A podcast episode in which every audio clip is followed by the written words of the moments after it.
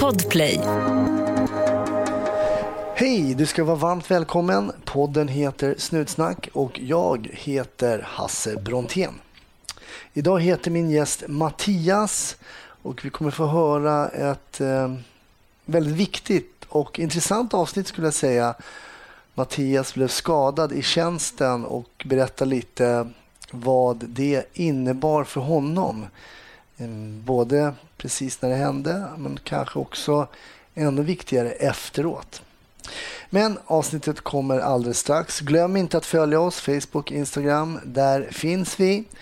Vill du bli Patreon, ta del av lite bonusmaterial, gå in på www.patreon.com snutsnack så kan du göra det där.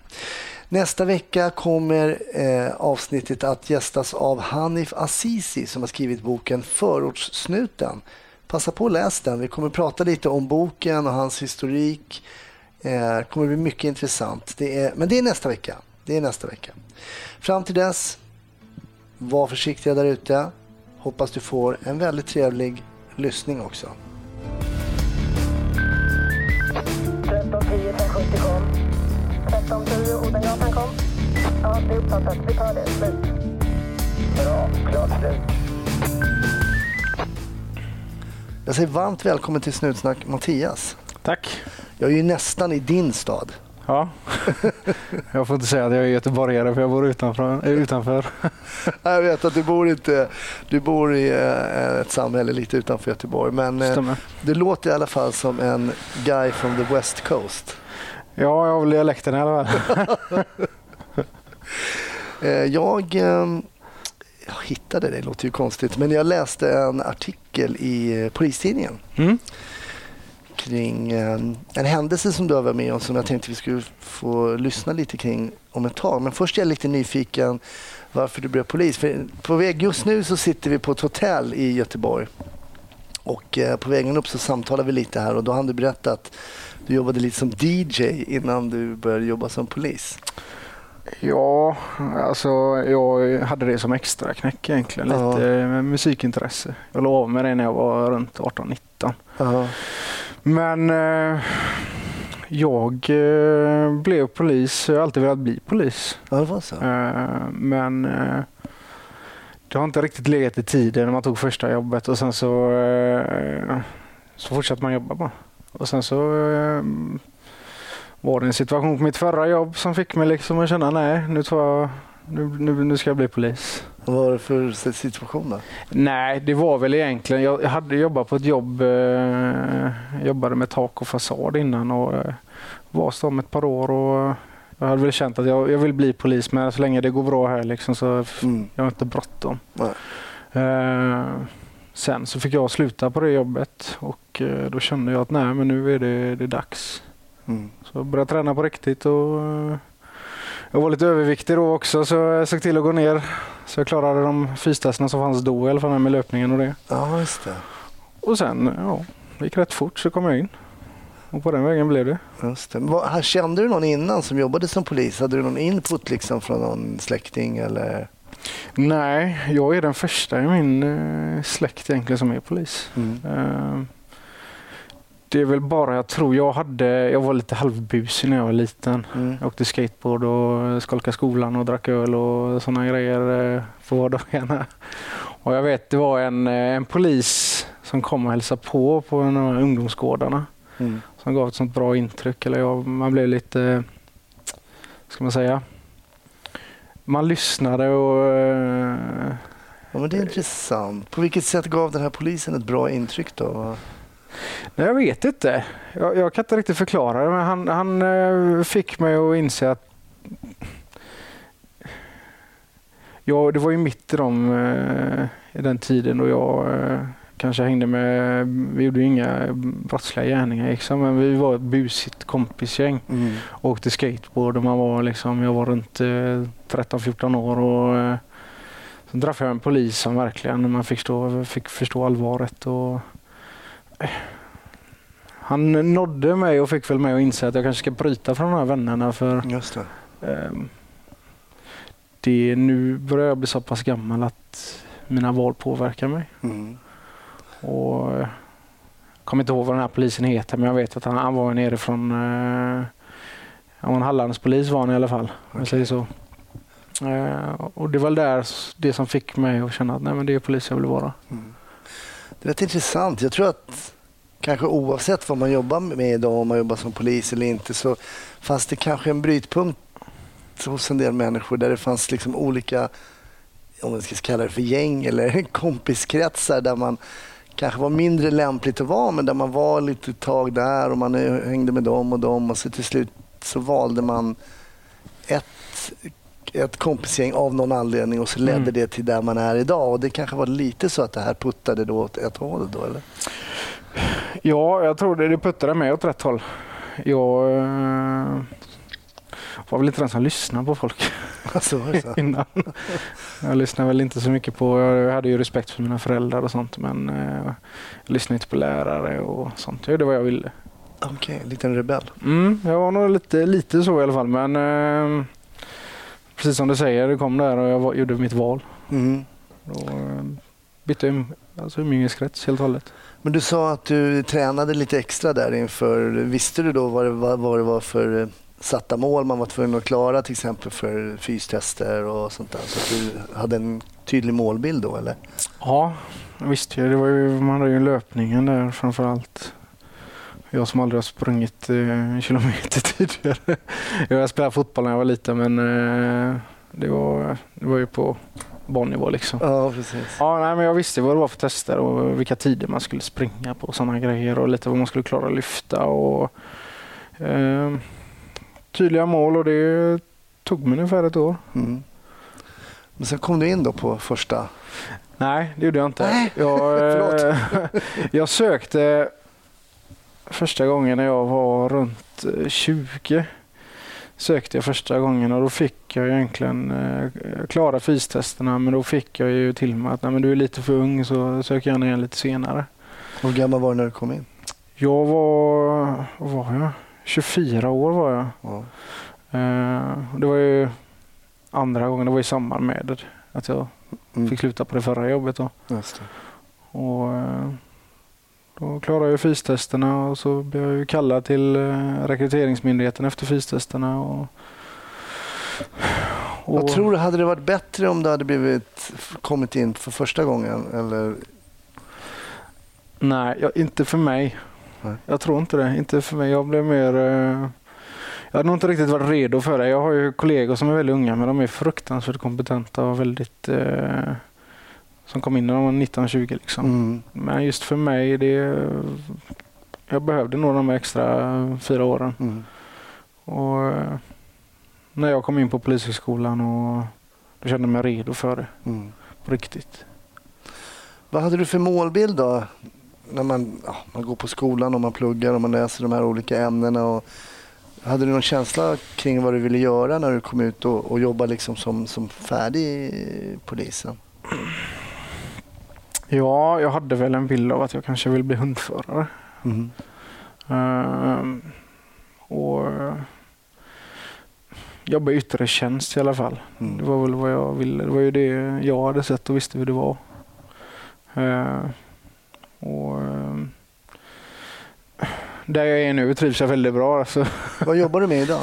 jag är ingripande polis Mm. uppe i eh, nordöstra Göteborg, uppe i Angerebergsjön. Mm. Och där har jag varit nu i ja, snart fyra år. Mm. Eh, och trivs väldigt bra Mm. med mitt jobb och min placering. Eh, Jag gillar uh, IGV-verksamheten och jag ser mig faktiskt inte någon annanstans just nu. Nej, kul. Så du trivs på den platsen du befinner dig just nu arbetsmässigt? Ja, jag Ja. känner att eh, det är det här jag vill göra och det är det jag tycker är roligt. Eh, jag har väl eh, min bild av att bli hundförare tror jag faktiskt har lite försvunnit. Mm. Det finns annat som jag har planer på mål men det är ju, det är ju än så länge IGV som jag Mm. känner att här vill jag vara ett par år. Kul. Du, eh, det, här, det som jag nämnde ju här i- början Lisa, att jag läste om dig i Polistidningen. För det var väl så att du hann egentligen inte vara ute så länge innan ni åkte på vad man väl egentligen eh, som när jag läser uppfattar som ett rent eh, rutinärende för en polispatrull att åka till eh, en plats där man misstänkte att det hade skett en misshandel i en lägenhet. Var det lätt, är det rätt uppfattat så? Eller? Det var egentligen på vägen in när vi skulle gå av passet, så det var i slutet på passet. Ja. Eh, Jobbade du även på IGV då? Mm, det gjorde jag. Körde IGV. Ehm, jobbade med min eh, kollega Mia i patrull. Och klockan var typ runt tre snåret. Tror jag väl när vi... Eftermiddagen? Mm, eftermiddag ja. Mm. Det, det komiska med det här är att jag och Mia hade varit på nästan ett men, ja, nu vet man ju att det handlar om en kniv som jag, eh, alltså det landet jag åkte på, men vi hade varit på en knivman tidigare. Okej. Som har hotat med att han skulle knivhugga sin, eh, eller knivhugga poliserna när de kommer. Men eh, jag sa det till Mia innan vi var på väg egentligen in att eh, det är så gött att ha en kollega som man känner att man kan lita på. Ja. Som vet att när jag agerar så är hon med liksom. Mm. Men i alla fall den här, vi var på väg in. Vi skulle eh, byta av. Förlåt, förlåt om jag avbryter dig, men det här jobbet som du hade, det var tidigare under samma pass då eller? Mm. Ja, det var på förmiddagen tror jag inte minns helt fel. Så, eh, Vad hände i, i själva i, i det ärendet då? ah, det var en sjuk, sjuk man som... Eh, jag, kommer inte, jag kommer inte ihåg exakt vad, hur det gick ut men vi fick nog till oss att han var psykiskt sjuk och han skulle hugga polisen när de kom, in, när de kom till lägenheten. Mm. Och eh, han har eh, varit våldsam vid ingripanden som tidigare så han var ju lite man var lite på tårna med honom då så vi åkte, jag tror vi åkte två eller tre patruller på honom men eh, jag och Mia var de som stod längst fram och eh, säkrade mannen då. Mm. Och rätt och riktigt så eh, han öppnade upp dörren och så gick han ju inåt i lägenheten och inne på bordet så låg det en kniv då. Men eh, när han gick in och jag stod ju längst fram och så när han gick inåt så grabbade jag bara tag i honom liksom. Mm. Och Mia var, hon var direkt där. Och då sa jag till Mia efteråt att det är så gött att ha en kollega som liksom bara fattar och bara är med på noterna direkt. Mm. Och man kan verkligen eh, man kan lita på henne liksom, att man känner sig trygg med att hon är Mm. med. Det måste ju vara en oerhört betryggande känsla att åka med en kollega där man känner att man har den backupen och att det är ömsesidigt så att säga. Du, så kände ni med varandra när ni jobbade då, du och den här kollegan? Ja, jag vill väl hoppas att hon känner likadant så, så som Ja, för mig kanske med. Men, hon eh, här eh, jag, känner, jag känner så för alla i mitt huvudlag. Alltså, Ja. Det är inget jag, inte, det är inget jag tvivlar på eller känner mig osäker med. Utan Ja. de är, jag har förmånen att jobba med som jag tycker är världens bästa turlag. Kul. Ja. Och, eh, men eh, ja, det var jag och hon i alla fall. Men jag tänker, för då åker ni då, som du då berättar du, då åker ni på ett liknande jobb. Då. Hur, hur går det ut, det här jobbet, när ni är på väg in och ska sluta egentligen? Och vet du hur det går ut på radion ungefär? Hur får ni, hur får ni för info där? Jag hör ju inte hela utropet för ja, vi har ju stannat på vägen på väg in till stationen en bit därifrån för vi möter en man som kör på en, en riktigt trasig moped och så rastar sin hund med mopeden och utan hjälm och det är, ja, det är mycket trafik där. Det är väl lite mycket folk som går men det är mycket trafik och då står jag och snackar med honom och säger att det är väl högst olämpligt liksom, att du står och rastar din hund med moppen. Du kan ha gå liksom. Och då har jag ju lite skruvat ner då radion under tiden jag står och pratar med han så jag hör ju inte hela utropet men jag, Mia säger att vi har fått larm. Eh, ett eh, lägenhetsbråk så vi får åka. Mm. Hon sitter ju på radioplats och jag sätter mig i bilen och vi får en insats där vi får lite mer information och då får jag höra då att eh, vi ska åka och kontrollera en, eh, en adress för eh, en son har fått en bild på sin sönderslagna mamma och sin pappa. Eh, och anledningen till att vi fick det som en insats var väl, ja, jag kanske har fel, men eh, vi gick två patruller alltså med och då blir det automatiskt att vi får en insats att kunna samtala med. Okay. Eh, men det var ju egentligen åk dit och titta till den här adressen. Eh, den här mamman är skriven själv på den här adressen. Ni kan väl åka dit och se och bara kolla läget. Mm. Och eh, vi får väl infund på vägen fram att det finns ingen historik någonstans, inte i våra system eller i några brottsregistret eller liknande. Och någon, jag vet inte vad vi pratar om, men jag tror vi jag, jag får en känsla att det här kanske är på riktigt ändå. Alltså jag får en känsla och säger till mig att det här kan nog vara eh, alltså, riktigt. Varför får du den känslan? Jag vet inte. Eh, Jag kan inte riktigt säga varför. Eh, Men jag tror det är det här att vi ändå har fått en bild som gör lite att ja, det här Mm. kanske är ordentligt. Men samtidigt så vet man ju en bild är inte, säger inte så mycket. Jag har inte fått se bilden utan vi har fått en bild på en blodig, fått se en bild, eller en son, sonen har fått bild på sin blodiga mamma och det kan vara vad som helst. Alltså det Mm. kan ju vara att hon blöder lite näsblod liksom Mm. och vill att vi åker dit och kontrollerar men vi fick ändå, jag fick ändå känslan att det, det är på riktigt. Mm. Så vi kör ju med blåljus hela köret fram liksom för att komma fram så snabbt som möjligt. Hur reagerar du när du, du säger så här, jag fick känslan att det var på riktigt. Hur reagerar du? Alltså hur reagerar din kropp och ditt tänk och din kommunikation med kollegan då? Ja, men det blir väl... Eh, vi pratar lite egentligen. Alltså vi, vi, vi är väl så pass samkörda med varandra så det är inte så att vi lägger upp en direkt taktik utan vi har vår arbetsmetod och det handlar mer egentligen om att hur vi ska hitta dit för det, det är en adress som vi aldrig är på. Mm. Det här området är ju... Det ligger uppe i Angered och det är bostadsrätter och eh, radhus. Vi, vi åker på kalla inbrott här på höjden liksom. Mm. Eh, jag har aldrig varit där tidigare så eh, det är väl egentligen det vi diskuterar och försöker få lite mer information över radion. Jag sitter och lyssnar samtidigt som jag kör och Mia pratar i radion så vi, vi hinner ju aldrig prata riktigt egentligen utan det är ju det är max, var väl 7-8 minuter ifrån Just det. så det var inte så långt att köra. Men du berättade innan också där att ni får över radion att det är ingen his- tidigare historik. Alltså kvinnan bor själv på ad- adressen, ingen tidigare historik. Hur mycket påverkar sånt till exempel om man får reda på att, för du nämnde på förmiddagen hade det varit, där fanns det en historik eh, våldsamt tidigare och så vidare. Nu så finns det inte det. Hur mycket påverkar eh, sån information? Jo, det påverkar mycket. Det, hade vi vetat, fått någon form av information som antydde på att det kanske fanns knivar och mannen är benägen eller kvinnan benägen att göra någonting. Då, då gör man ju avvägningen. Ska vi, ska vi påkalla insatsstyrkan istället? Mm. Eller ännu mer patruller? Mm. Eh, Det var bara en tillfällighet att vi gick med en till patrull egentligen. Och eh, att de gick med var ju enbart för att det var i slutet på passet och Mm. att eh, ja, blir det någonting så kan de hjälpa till och går det snabbare. Mm. Alltså om, det, om vi får ta upp en anmälan och kanske höra några så är de där också.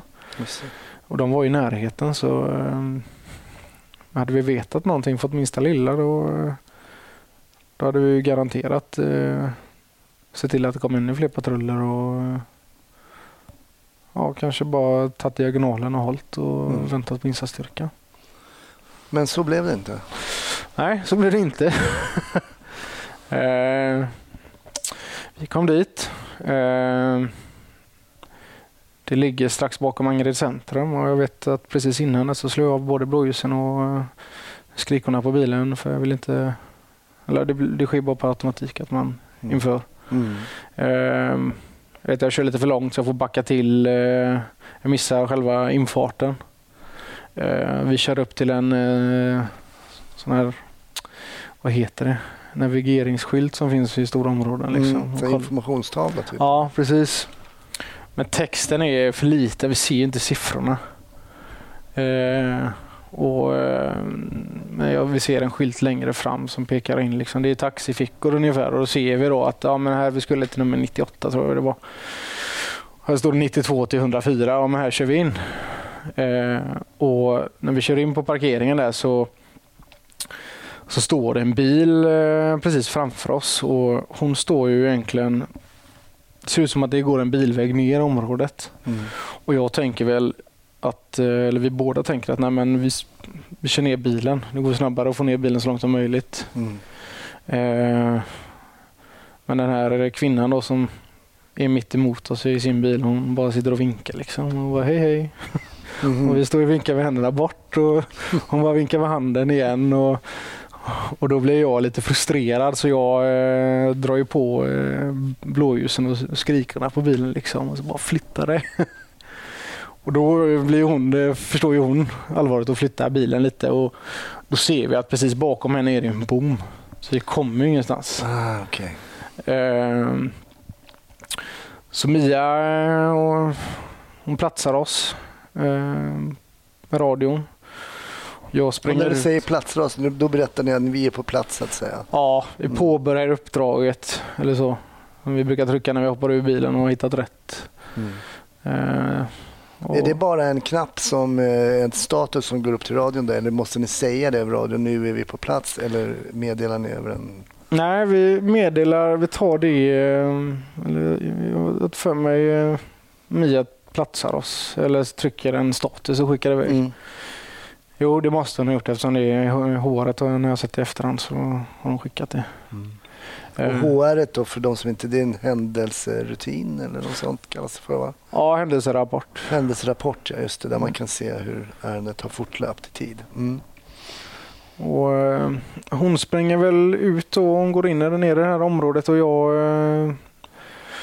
eh, jag tänker väl någonstans att vi kanske får, behöver bryta upp dörren här så jag tar med mig och, och hämtar kofötterna som är där bak. Mm. Eh, och eh, Mia hon, hon går ju lite före för hon vill, hon vill se om, om vi hitt, hon kan hitta adressen. Eh, och jag eh, är väl 10 meter bakom när jag fått kofötterna. Liksom. Och sen då när vi kommer ner, det är väl bara 20 meter från bilen max. Då ser vi att ja, men det är ju det här stora lägenhetshuset som är precis bredvid oss här. Mm. Här är nummer 98. Ehm, och ehm, i samma veva där så kommer de andra kollegorna då som, eh, som skulle gå med. De andra två eh, kommer i sin bil. Och jag vet vi går in i svalen eh, eller trapphuset då som man får säga. Ehm, och går in på bottenvåningen egentligen. Och jag vet att jag frågar då operatören som är med på insatsen om eh, vad har vi för lägenhetsnummer? Mm. Bara för att kolla lite vad det är för våningsplan. Och då säger eh, operatören att ja, det är 1003 tror jag han sa. Eller 1002. Då tänker jag ja, men det är bottenvåningen. Det ska ju vara här. Och då börjar jag kolla dörrarna och mina andra två kollegor som är med kollar dörrarna. Och Mia går väl upp en trappa upp och kollar där. Och I samma veva som eh, vi där nere inser att nej, här är bara tvättstugor och förråd och sådana grejer så säger Mia då här är dörren. Mm. Eh, och vi springer upp. Eh, jag eh, Svalen är en ganska liten sval egentligen, eller avlång är den eh, som jag minns det. Jag tror det är fem lägenhetsdörrar på det våningsplanet. Och det är väl den som är Ja, den är andra delen av trappan där vi kommer från trappan. Mia står vid dörren, håller eh, för, sätter foten och håller i handtaget liksom. Och eh, jag ställer mig till höger om dörren och eh, är redo med brytverktygen om, jag, om vi behöver bryta upp dörren. Eh, och eh, mina andra två kollegor, eh, Julia och Martin, då, då ställer sig bakom Mia då, på led liksom ett par meter ifrån. Mm. Jag vet Mia frågar om vi alla är redo och alla säger ja, kör på. Och hon, hon knackar på dörren och säger polis, öppna dörren. Och eh, jag, vet, jag kommer inte ihåg om hon bankade en eller två gånger men eh, i alla fall. Eh, när hon bankade så hörde vi bara snabba steg liksom kom mot dörren och sen så bara flyger lägenhetsdörren upp.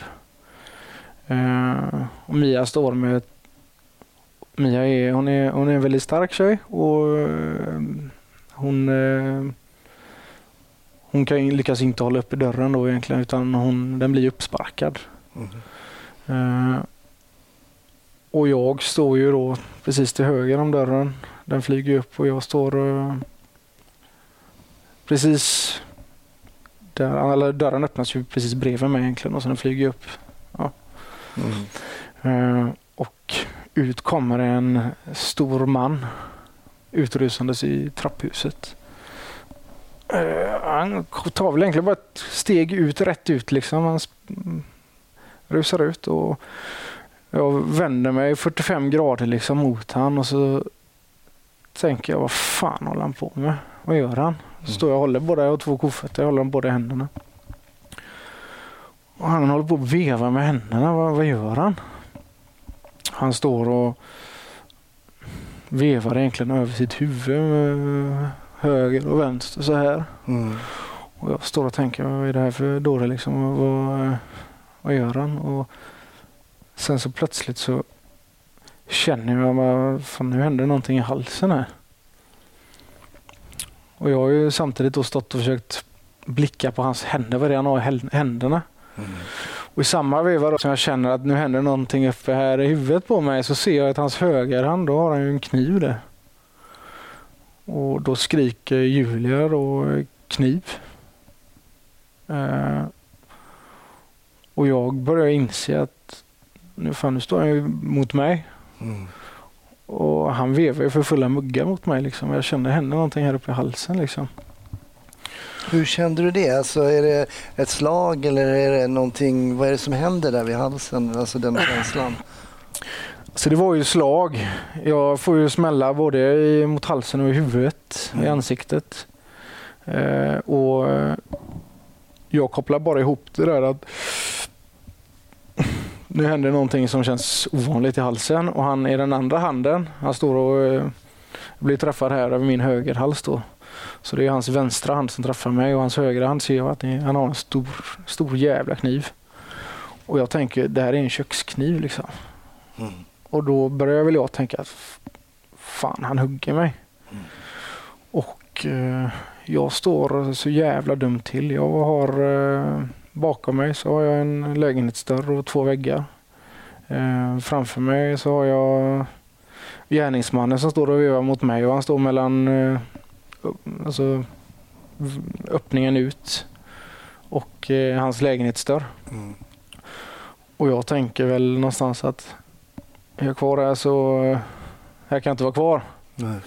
Så jag tar ju mina händer och skyddar liksom upp över eh, huvudet just det. och tänker att eh, nej, jag får trycka mig igenom den. Mm. Och jag bara pressar mig mellan han och i den här lilla springan och öppningen som finns. Och så känner jag väl att jag får några dunk, eller ett dunk i ryggen. I samma veva som jag springer förbi han. Och eh, strax efter det så eh, ser jag att jag har Mia då till min högra sida och så, så eh, hör jag att ett skott går av Okej. och ser hur han då, ja men egentligen, han faller ihop. Mm. Och då känner jag att ja, men jag, får, jag måste liksom ner lite här. Mm. Så jag går ner i, i, nerför trapporna. Och då känner jag samtidigt där att fan mitt öra är av.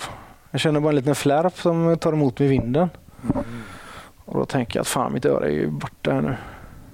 Eh, Så jag tar upp eh, handen och, och känner lite lätt och känner att nej, men den är kvar, mitt öra. Och så känner jag att det börjar bli varmt på ryggen här. Och då tar jag liksom lite mer med handflatan och känner och kollar. Och då ser jag att min handske då blir, den är ju blöt. Och eh, Av blod. Mm, och blod. Och eh, då eh, kommer jag ner då i samband med bottenvåningen. Så jag står ju där och känner lite över halsen fortfarande. Och, eh, då ser jag ju ner i min armbåge, eller här då. Eh, ser jag ju rätt ner i armbågskulan så jag ser ju skelettet där då. Och ser bara, nej, här är ett stort jävla sår. Man kan se idag att du har ett väldigt stort ärr precis eh, runt armbågen där och det kan man ana att det har varit ganska öppet. Var det det där såret då? Ja, jag såg ju det när jag kände här. Det var ju då jag... Jävlar, där är mitt... Där är ju skelettet. Och man kan se också idag att du har ett R under höger öra som i alla fall är, ja, det är nog 4 centimeter, något sånt där i alla fall. Kanske Ja. till och med längre faktiskt. Ja. Ja, det har nog blivit väldigt eh, bra. Man ser det inte så tydligt längre hoppas jag. Ja, Snyggt gjort. Eh, sen så har jag här nere också. Två på baksidan här. Just i nacken ja. Ja. Men vad händer då? Du berättar att du känner under där. Du ser att din, eh, din handske helt täcks av blod och blir helt blöt av blod. Du noterar också att du kan se eh, ditt eget skelett eftersom arm, det är så uppskuret här på underarmen. Mm. Hur reagerar du då? Jag rea- reagerar väl inte utan jag tänker bara jag måste få luft. Eh, Okej. jag, jag, vet, jag tar ner handen av konstig anledning. Tar ner trycket som jag har med högerhanden från halsen. Och så tänker jag, "Nej, men här är det, det är det jag ser så jag tänker jag håller för här. För det, det rinner ju blod längs med armen då också. Det är bara, det är som ja, det rinner rätt ordentligt. Och jag kommer väl ut utanför dörren, precis några meter utanför portdörren och så är det ju en liten, en liten, liten gård ungefär. Och så ställer jag mig vid ett staket eller buskar tror jag det. Och känner jag bara, jag börjar bli yr och eh, känner bara, jag kan inte bära mina ben längre. Alltså jag, jag kan inte stå upp. Just. Eh, I samma veva där så kommer Mia utspringandes och tar emot mig och så säger hon jag sköt han. Okej. Ehm, och eh, jag faller ihop där och Mia har mig i sin famn och så eh, eller är snabbt strax bakom håller upp mig och så säger jag till Mia kan du inte kolla min hals? Mm. Och då säger hon att Robert då, som jag kallas. Eh, Robert, det, det är lugnt men du är knivhuggen i halsen. Mm. Och då börjar väl jag fatta faktiskt vad det är som har skett. Mm. Och jag eh, blir till en början jävligt glad. Det kan man ju tycka är en ganska udda reaktion. Men på vilket sätt blev du glad? Nej, jag vet ju, det är eh, lite samlat därför att jag, jag vet ju vad jag kommer ihåg från skolan och vad man har hört att eh, jag får man knivhugg i halsen, det är kört. Liksom. Det, är, det är inte så mycket att göra utan man kan, man kan tamponera bäst man kan. Liksom. Man ska iväg, man ska till med ambulans så fort som möjligt. Så jag är väl, jag tänker ja, nu dör jag. Mm. Eh, när jag inser det så blir jag glad för då har jag precis dagen innan jag fått lösa en livförsäkring. Okej, och vad hände sig då? Tecknat ni familjen så att säga då eller? Ja, jag och sambo vi har precis byggt ett hus. Vi flyttade in en månad tidigare innan händelsen. Mm. Jag har haft och hållit på att bygga det i ett halvår och så äntligen har vi fått flytta in. Men eh, ibland som polis så kan man ha svårt att teckna vissa försäkringar och man har skyddade uppgifter. De är inte alla poliser som har det, men de som har det. Men, eh, Mm. och det var väldigt mycket strul för att eh, jag äger huset men jag får inte stå som ägare på några papper och så ska jag då försäkringsbolaget teckna en livförsäkring och en hemförsäkring på någon som inte står skriven på ett hus. Och, eh, jag har hållit på en månad med att få det tecknat. Liksom. Och det är egentligen för att min sambo ska kunna bo kvar i huset ifall om det är så att eh, jag då går bort. Mm. Och dagen innan så hade jag äntligen fått löst det. Och då blev jag så tacksam och tänkte fan vad gött, ja, men Lotta kan i alla fall hon kan bo kvar i huset. Ja, det är ju fantastiskt. Det är, ju, det är fantastiskt att du tänker på din sambo i det läget och på en försäkring. Men det är ju märkligt hur hjärnan kopplar ihop saker och ting när man är i en situation som inte alls har med försäkringar att göra överhuvudtaget.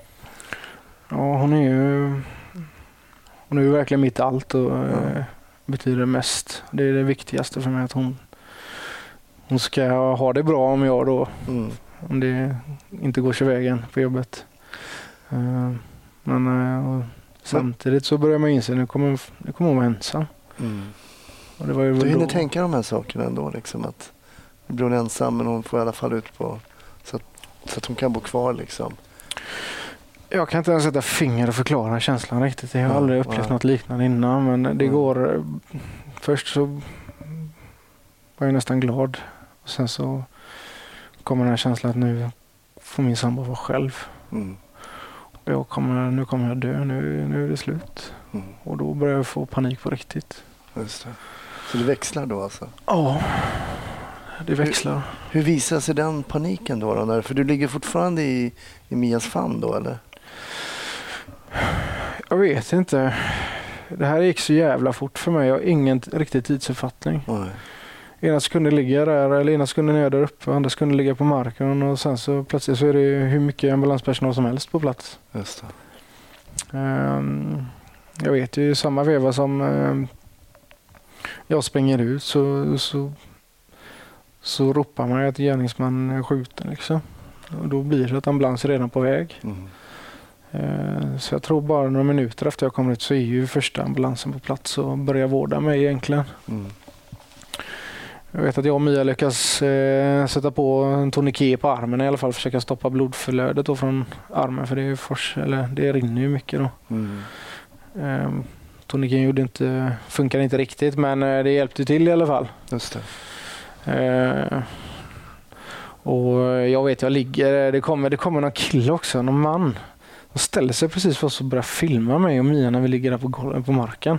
Makalöst. Ja. Och eh, jag vet att eh, Mia hon blir irriterad och skriker liksom gå härifrån, gå härifrån. Och jag vet jag säger till den här mannen och tänker, jag säger till honom om inte du går härifrån så kommer jag skjuta dig. Och eh, tar min trasiga arm mot vapnet då, då går jag därifrån. Det är så stressigt, det är så svårt att förklara hur, hur allting är. Det, blir, det är så absurt nu i efterhand när man tänker på det. Mm, jag förstår det. Och Jag vet att den här mannens son kom sen och blev irriterad på oss för att inte visa, vi visade respekt till hans pappa och sådana grejer. Så det var helt sjukt. Eh, och, eh, men i vevan där kom en, en annan kollega på turlaget. Alla dras ju sig till adressen och så kommer eh, Pontus, min kollega. Och jag känner, då känner jag plötsligt liksom någon form av trygghet. Okej. Han är ju före detta ambulanssjukvårdare innan han blev polis. Okej. Jag och han och en annan kollega på turlaget som har jobbat inom sjukvården innan och det är sån grym trygghet och resurs att ha. Mm. Och när han kommer och känner ja, fan vad gött, nu kommer han liksom. Och, eh, jag, säger, jag vet att jag säger till Pontus att Pontus nu dör jag. Mm. Och han i sin vanliga ton säger nej sluta det kommer du inte göra." Hur kändes det när han sa det? Var det övertygande eller trodde du inte på honom?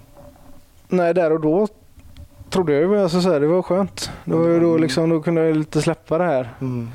Eh, och han hjälpte till med vårdandet av mig och jag vet att han eh, lösgjorde Mia då. Hon ju också få sin... Alltså, hon ska inte sitta och behöva vårda mig. Hon har ju sin del också att ta hand om. Och, Mm. eh, han, eh, Pontus börjar styra och ställa. Eh, Han säger åt två, eller en sjuksköterska där att eh, gör det här och ja. Eh, De ser, han ser i alla fall till, han och ambulanssjuksköterskan, att vi att jag läggs upp på en bår. Och de säger att jag måste till sjukhuset nu. Och jag vet när de lägger upp mig på båren så var, ju även en annan eh, ambulans, ambulanspersonal då lastat på eh, gärningsmannen på en bår. Så han kom ut och så ligger han precis bredvid mig. Märkligt. Eh, han ligger och åmar sig och eh, vi ligger bara några centimeter ifrån varandra. Liksom. Märkligt. Ja.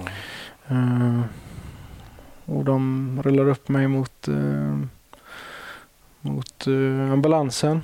Och då ser jag ju mycket personal i det här. Det är ambulanser och brandkårer och poliser överallt. Mm. Hur mycket som helst. Och Kommer du ihåg färden upp mot sjukhuset och sådär eller? Ja, det gör jag. Pontus följer med tillsammans med en av ambulanssjuksköterskorna som han känner.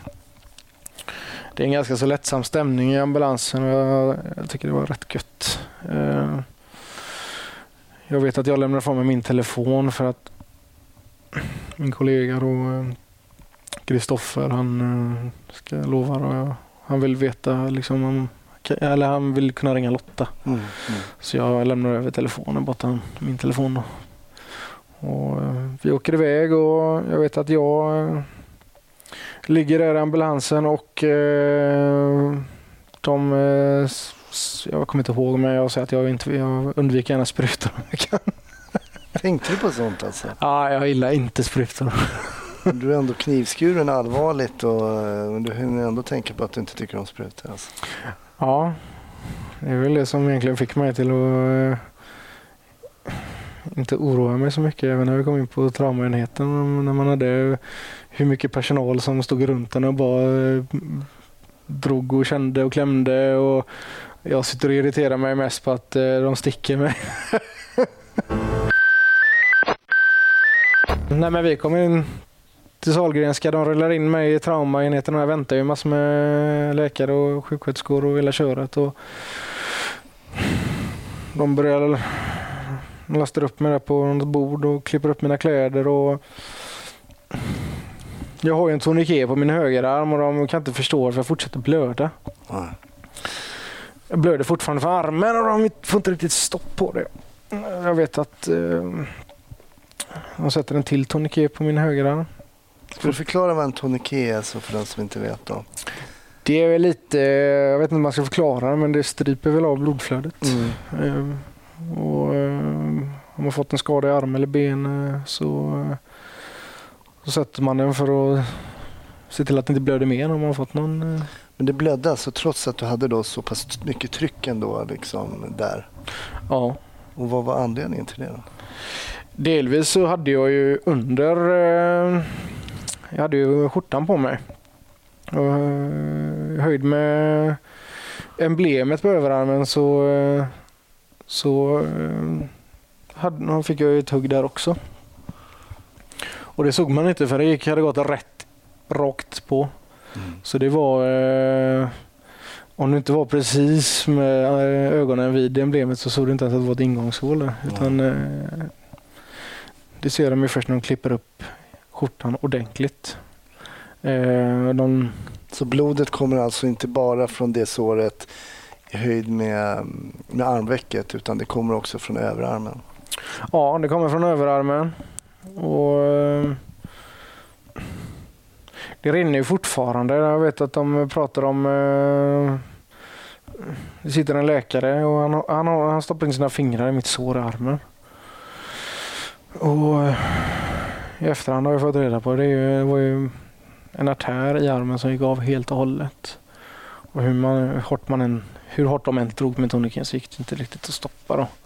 Så han står ju och håller med fingrarna då in i mitt sår och se till att det slutar blöda.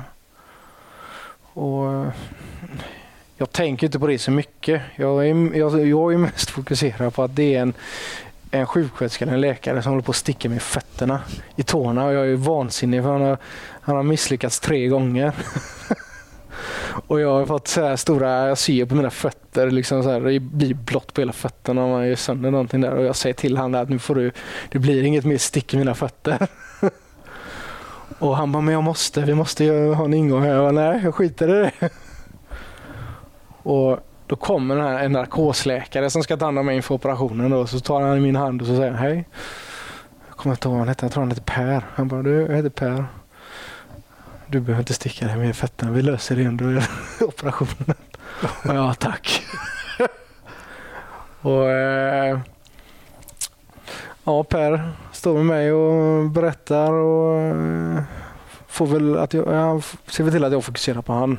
Så jag hör ju inte så mycket vad de pratar om runt om. Men eh, jag förstår att eh, de lägger lite förband och sånt och ser till att eh, jag inte blöder mer. Eh, och de kör upp mig och säger att jag måste opereras nu.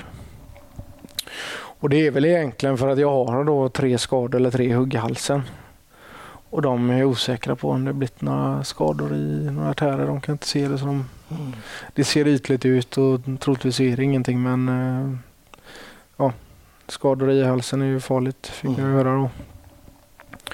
Så eh, klockan 16.00 där så eh, blir jag nedsövd. Mm. Så Skulle du varit hemma egentligen då? Mm, skulle jag. Vaknade klockan 11 på kvällen igen. De har opererat mig till klockan 10. Mm.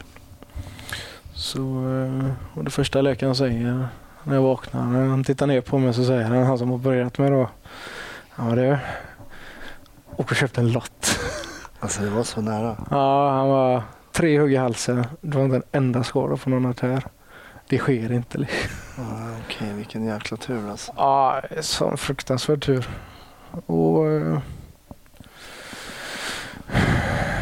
då får väl jag äntligen också träffa Lotta. Ja. Då är hon blivit hämtad från jobbet. Hon jobbar också inom myndigheten. Hon är inte polis men eh, hon eh, har varit där. Hon blir ditkörd av kollegor Mm. och då får jag träffa henne. Hur viktigt var det att hon var där? Jätteviktigt. Ja, eh, då kunde jag inte hålla tätt. Nej, det är, jag förstår det. Jag förstår det. Men de lappar ihop dig Mm. och som vi förstår så har du haft en oerhörd tur här. Du har alltså fått de här huggen i halsen och när man ser ärret också i armvecket här upp mot och man ser också upp i överarmen så förstår man att även där har du haft tur. Men då kan man ju tänka så här, ja eh, nu är ju polisen ihoplappad och klar och då är ju saker och ting över så att säga. Då är det Mm. väl bara att läka ihop det där, eh, så att säga de kötsliga såren. Kanske vara sjukskriven ett litet tag och sen komma tillbaks. Eh, Men det blev inte riktigt så. För dig. Nej, det blev det inte. Jag, jag är ju lite sån... eh, Jag går inte till, jag åker inte till vårdcentralen. Jag, jag gillar inte sjukhus. Jag gillar inte det här alls. Nej.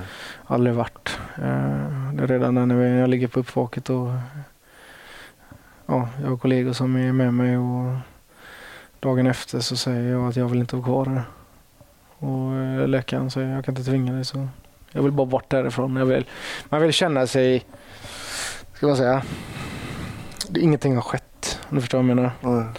Eh, Jag vill bara hem, jag vill hem till normal. Jag vill inte vara, gillar inte sjukhusmiljöer. Nej.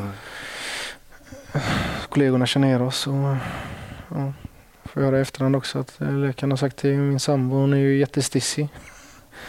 Då har hon fått, det fick inte jag reda på men då har hon fått höra att eh, när man har koll på Mattias andning här i natt så han inte slutar andas. Oj, oj, ja. Och det är ju bara för mediciner jag har fått. Okej. Han ville ju egentligen att jag skulle i alla fall kvar ett dygn till då.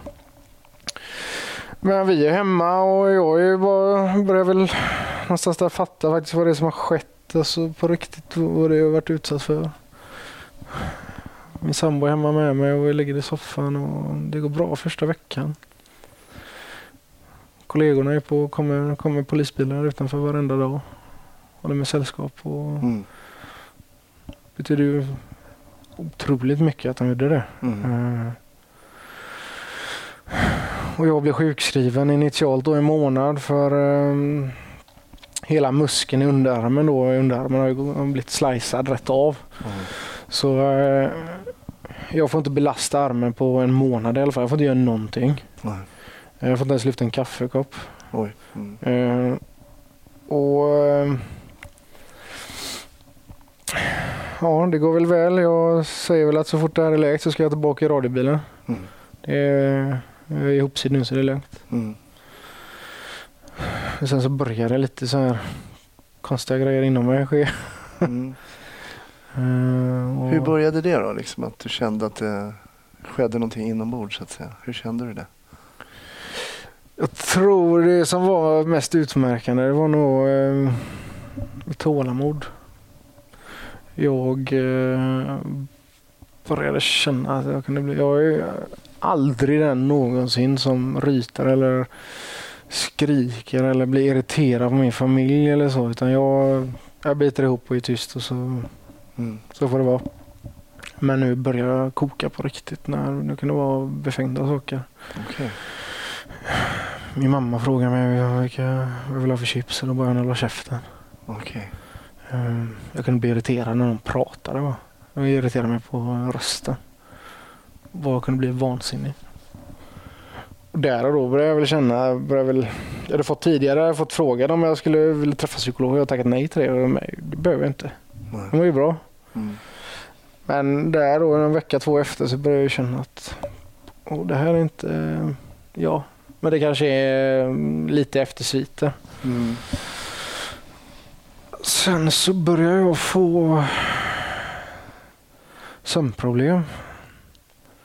Jag började sova dåligt. Mm. Kunde vakna mitt i natten. Pulsen var skyhög. Och bara flåsade. Bara vaknade och var uppe i varv. Jag var, jag var redo att göra vad som helst liksom, så fort jag öppnade upp ögonen.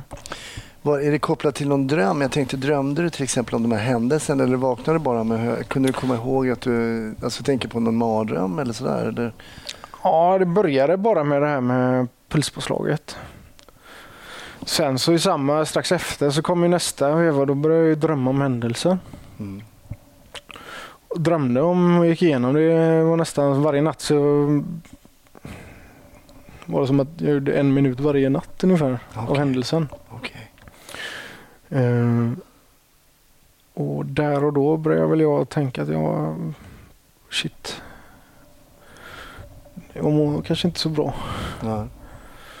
Och det började märka, min sambo märka också. Mm. Och eh, nära och kära började märka skillnad. Mm. Och sen började jag drömma om eh, började drömma om andra saker. Jag tänkte ah, shit nu är det över här och gött. Mm. Men eh, då dök ju gärningsmannen upp i de här drömmarna istället. Okej. Så i andra settings, så att säga, andra miljöer så dök gärningsmannen upp? Vad kunde det vara? Kan du beskriva något sånt exempel där han dök upp där i någon dröm eller så? Ett som är väldigt tydligt som jag kommer ihåg det var just när vi var hemma hos min syster och firade hennes födelsedag. Är det här en dröm eller du var det? Nej, det var en dröm var det. Ja, det var en dröm? Ja. Och eh, vi är där och hela familjen och min systers barn och hennes kille är där. Och så är Harry då gärningsmannen där också. Okej. Så han började dyka upp i mitt privata också. Lite för nära liksom? Ja.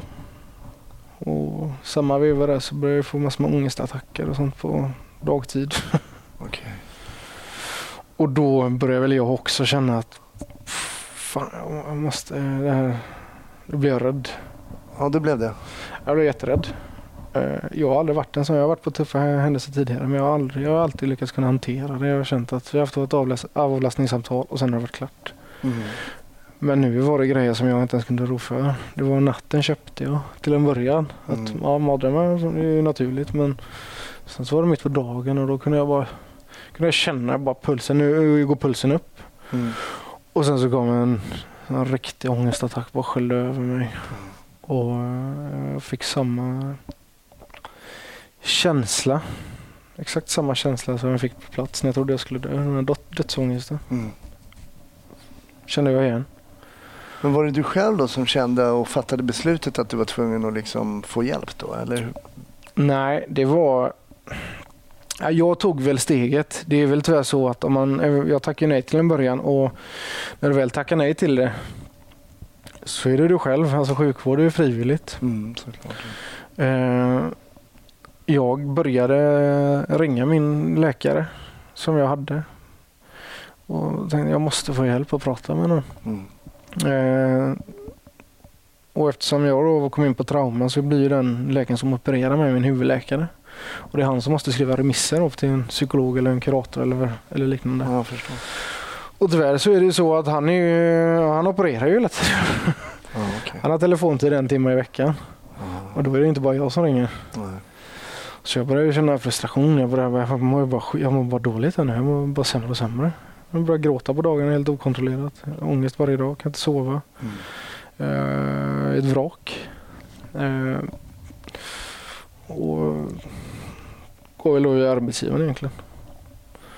Och går den vägen. Eh,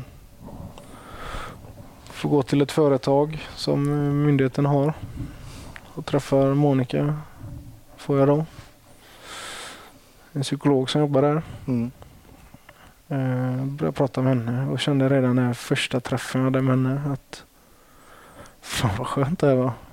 Innan så var det liksom min sambo och satt och pushade mig egentligen. Ja, men du, hon hade också varit då och träffat en psykolog innan. Hon, hade, hon är lite, vi är lite samma skrot och och, eh, och hon liksom förklarade för mig då att nej men det är skit, det är bra liksom. Du behöver inte oroa dig, det kommer gå jättebra. Men jag hade sån riktig ångest inför det. Varför tror du att du hade det här motståndet till att gå dit då? Liksom? För det, du visste ju att det inte var någonting farligt egentligen. Att, vad, vad- vad är det här motståndet kring att gå dit och prata? Och vad tror du, varför tror du det fanns hos dig? Jag tror det är det. Jag vill inte se mig själv som, som, som svag. Ja, Du blott- skulle blotta din svaghet bara genom att berätta om de här. Ja, jag, kan, jag kan hantera det här själv. Jag är liksom så här, jag, jag löser det här. Mm. Det jag har alltid varit sån som person. Jag går inte till om jag är, ligger och är liksom ja, döendes inom parentes hemma när jag är sjuk och feber så går jag inte ens till vårdcentralen för jag vägrar. Jag ska lösa det här själv. Men jag tänker när du fick, du berättar ju de här, um, du får de här ångestattackerna som sköljer över dig sådär. Känner du redan då att det är liksom ett tecken på svaghet? Liksom? Kände du att, mot dig själv så att säga? Nej, det är sjukt att säga för någonstans där när det har gått några veckor så börjar man inse alltså, det här är ju det här är ingenting du styr. De här känslorna var ingenting jag kunde styra. Jag, jag kunde sitta i bilen och köra och köpa snus och så bara plötsligt börja störtlipa. Mm. Jag äter gratis sen jag fått barn. Mm. Eh, kunde sitta hemma och kolla på tv och skratta och så bara plötsligt kände jag att det, det händer något i magen och så bara kommer ångesten. Mm. Inget, och då började jag bli rädd. Mm. Så här har det aldrig varit. Mm. Och då var jag mer mån om att det här måste jag traggla. Mm. Och eh, sen så redan när jag träffade Monica då första gången så eh, direkt kände jag att vad bra det här är. Mm. Och eh, hon har hjälpt mig så mycket och eh, hon, är- hon är framförallt en som jag kunde vara helt öppen med. Hon har Mm. haft eh, pratat poliser innan och hon, jag behöver inte förklara hur jobbet fungerar utan hon, hon visste. Mm. Det var som att jag pratade med en kollega Mm. som förstår. Just det. Och det var väldigt viktigt att det, det, det funkade. Eh, Alltså vår personkemi var redan från första träffen. Funkade jättebra. Jag kände att hon här kan jag faktiskt ja, lita på lite. Mm. Och eh, redan från första träffen så fick hon mig förstå varför jag känner de här grejerna. Och då inser jag väl att det här är, det är inget konstigt. Nej. Det är klart att jag reagerar på det här sättet. Mm. Hon kan ju vara dum som bara tror att jag inte ska få några reaktioner. Hur kände du att det hjälpte att prata med Monica? Hur kände du det? Det som jag tycker var mest eh, alltså rent direkt efter man träffade henne var just att du kände, kände som jag fick energi i kroppen igen. Mm. Och Det är så svårt att liksom förklara vad det är som gör det men man kände sig nästan glad efteråt. Mm. Och Det gav energi och det var bara skönt att höra från man vet när hon är ju psykolog, hon vet hur hon snackar. va? Mm. Eh, säger hon att eh, du reagerar så här på grund av det köper jag ju det. Jag är inte så att jag ifrågasätter någonting, eh, någonting hon säger men när jag får höra det från henne så, så var det lite som att man, jag kände tillit till henne och det här gav faktiskt någonting i kroppen. Jag kunde åka hem och vara glad igen. Och, Mm. jag, Hur, hur lång tid tog det för dig att, liksom, att eh, känna att nu börjar jag komma tillbaks och eh, kanske den här rädslan av att slippa de här plötsliga um, ångestattackerna och att börja liksom bara plötsligt börja gråta. Hur, lång, hur länge känd, kändes det att tiden hade gått tills du började liksom kunna få kunna slappna av i det på något sätt? Ja, men det var ju när egentligen jag började träffa Monica. Som ganska, ganska direkt eller? Ja, egentligen. Jag var ju fullt ödmjuk till att eh, det försvinner inte på ett, en Nej, träff. Nej, precis. Eh, men framförallt så det blev väl lite så att jag allt eftersom eh, öppnade upp mig mer. Jag var mer mottaglig för vad hon sa och hon förklarade. Och var, jag var inte som en motfallsunge som vägrade ta emot mediciner. Jag har varit anti allt sånt. Mm. Eh, till slut så eh, började jag medicinera mot det och det hjälpte ju. Mm. Eh, och hon hjälpte mig att men, tänka bort och inte tänka på mig. Alltså förstå att det här är, du, du, det är inte du som Mattias här nu som ska bestämma hur, det här går, hur du ska lösa det här utan det är jag som gör det. Ja, okej. Och du la det också lite i hennes händer så att säga. Du litade på henne och lät henne. Ja, men när jag väl började träffa henne. Jag har ju alltid trott sånt. Jag har alltid varit som polis innan att nej, men jag löser det själv. Jag har varit på flera dödsfall och jag har varit på flera folk som hoppat framför tåg och jag har alltid löst det själv. Mm. Men det här och när jag började träffa henne, när jag hade de här reaktionerna innan och när jag började träffa henne, jag insåg att det blir, det blir bättre. Mm. Då började jag ju liksom släppa efter mitt ego och låta Mm. henne bestämma. Och eh, det gick ju vägen. Mm. Det funkade. Mm. Och, eh, jag önskar väl bara att jag kanske insett det lite tidigare egentligen för att bespara mig och min familj eh, Just det. allt det här. Att man kanske tar tag i problemet direkt. Mm. Jag var uppe i Umeå, min fru är från Umeå och vi var på Iksu där alla tränar och då kom det fram två polisstudenter till mig. Jättetrevliga så att de lyssnade på, på podden och eh, ja, vi pratade lite allmänt. Men, men du då som, jag tänker på dem som dels som pluggar till polisen nu, som lyssnar kanske, men också andra personer som man råknar ju faktiskt ut för saker även om man inte jobbar som polis, även om risken kanske är större då. Men vad är, deras, vad är ditt råd till dem som eh, precis ska komma ut och kommer att vara med om traumatiska upplevelser? För det är ju oundvikligt. Du berättar att du har redan varit på saker som kan skapa trauman hos vissa och hos vissa kan man hantera det. så. Men vad, vad skulle du vilja råda till när man kommer i, i, i liknande situationer liksom, där man som polis eller... Jag kan väl säga att eh, om man hamnar i trauma, var, var ödmjuk till att man inte vet bäst själv. Eh, prata med en psykolog, de är otroligt proffsiga. De vet vad de snackar om. Eh, även om det känns okej. Eh, har man varit i något större som sticker ut, det skadar inte att gå och prata, sätta sig en timme och prata med dem bara. Mm. Ehm, och framförallt... Uh, ja, men... Var inte så envis med att inte ta emot hjälp. Just det. Ja. Eh, det finns folk som jobbar med det här. Mm. Eh, de är otroligt duktiga och de... eh, de nu i efterhand när jag väl har gått hos Monica här i ja, nio månader nu kanske det är, eller åtta. Mm. Så inser jag att jag är starkare idag än vad jag var innan händelsen. Vad intressant, för det var faktiskt min följdfråga då. Att liksom, hur har du kommit ut ur det här nu när du... Du är ju, berättade ju i början av avsnittet här att du jobbar på IGV, du trivs och du är ute och i och med att du är ute så utsätter du dig för alla de risker som man i polisyrket gör. Hur, hur, hur, hur känns det idag med att åka? För du, men jag vet att du ska jobba natt efter vi har eh, pratat här. Och jag menar, Mm. det, är, det är inte helt osannolikt att du åker på något sånt eh, våld i nära relation. Eh, hur reagerar du, du efter det du har varit med om nu i, i dagsläget?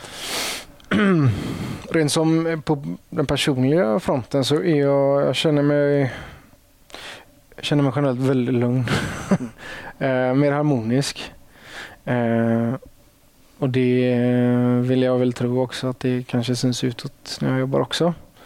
Eh, men framförallt så är jag nog mer öppen inför eh, saker, hur det kan påverka mig. Mm. Eh, sen eh, så eh, jag är helt trygg med att vara ute. Jag är inte rädd för... Vi har ju ett speciellt yrke. Det är ju... Alltså, folk, folk kanske inte riktigt förstår att vi gör ju inte sånt här varje dag men det kanske kommer något larm någon gång om det blir så här och Mm. jag är helt redo för det igen. Mm. Intressant. Det är en oerhört eh, spännande, dels histor händelsen i sig, men jag tycker också det här efteråt är väldigt, väldigt intressant. För att man vet ju inte själv ibland hur man reagerar på olika saker och hur man hanterar det. Och sen har jag en sista fråga just kring det här. För du var ju faktiskt väldigt nära döden. Dels så säger det läkaren där och köper en lott så att då vet vi att du var nära rent millimetermässigt. Men jag menar oavsett så hade du förblött Mm. om det hade varit, om man blev utsatt för det här eh, våldet som du blev. Mm. Hur är din inställning till döden före kontra efter den här händelsen? Kan du se någon skillnad kring det? Du har ju varit ganska nära på något sätt. Är det någonting som har förändrat din inställning till? Döden? Eh, Ganska filosofisk fråga kanske, men, ja. men och du, behöver, du kanske inte har det, men jag, jag är bara så nyfiken för att Jag kan väl känna så här, eller mer så här att mer jag uppskattar allt jag har. Ja, men det är ju precis och det, det kan man Jag är väl mer, eh, kan man säga så här, jag är lyckligt lottad till min familj. Eh, Jag har en sambo hemma och vi ska få, få en dotter här till sommaren. Och, eh, jag är fruktansvärt tacksam till att jag har så oerhört proffsiga kollegor både på mitt turlag men hela min station de är helt underbara. Det är delvis därför jag är, de har bidragit till att jag är tillbaka idag. Eh, sen så tror jag väl med att jag kanske förstår nu att man kan dö. Mm. Eh, eh, på något ställe du kan dö så är det ju som polis. nu som tur är så händer det inte allt för ofta eller så här. Mm. Eh, men vi utsätter oss för sådana sjuka grejer. Mm. Jag tror inte riktigt man förstår det om man inte varit, eh, åkt radiobil eller eh, jobbat inne med utredningar. Varit inom myndigheten generellt. Ehm, jag brukar säga det till eh, kompisar som pluggade på Polishögskolan att var ödmjuk till det man kommer ut till. Mm. Eh, du är inte odödlig. Mm. Ja. Och det trodde jag innan. Jag trodde väl lite kanske, jag är odödlig, det är lugnt, jag löser det här. Och, men jag är mer ödmjuk till att eh, det finns folk där ute som inte vill oss väl av Mm. olika anledningar. Mm. Just det. Spännande. Vi ska runda av som vanligt med att höra. Det blir ju ett kast som är lite konstigt men, men vi har ju gjort det här i ett x antal avsnitt så vi försöker att tvära kast. Men det är ju tvära kast i, i livet om inte annat. Eh, polisfilmer. Mm? Eh, hur, kollar du på något sånt? Ja, det är klart. det gör du har inte släppt det. nej, nej, nej, nej. Och eh, har du något du kan rekommendera? Ja, jag vet ju att många säger det här, men det är en fruktansvärt bra polisfilm. Ja, jag tror jag anar. Ja, End of Watch. Den Ja. är... eh, Jag tycker den, eh, den fångar tugget väldigt bra. Mm. Det är ju, sen så är det, det är ju en film. Liksom. Det är, Ja, så är det ju.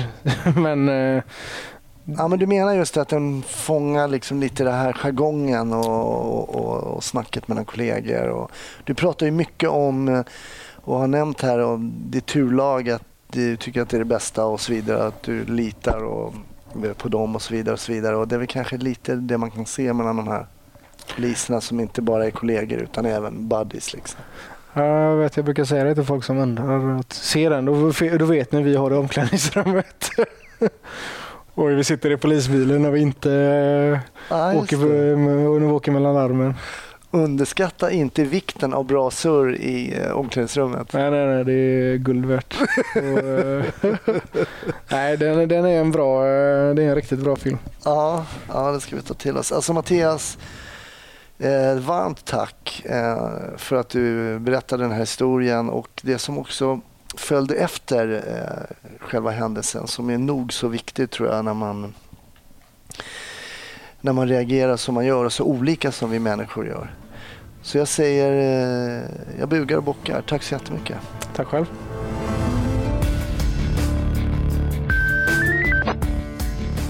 Stort tack! Glöm inte att nästa vecka är Hanif Azizi gäst. Eh, Det kommer att bli ett väldigt intressant avsnitt. I övrigt finns Snutsnack på Facebook och på Instagram. Vi kan också erbjuda bonusmaterial. Då får man gå in på patreon.com snutsnack. Annars så hörs vi såklart i nästa vecka. Varje tisdag släpper vi avsnitten. Ha det bra! Hej då!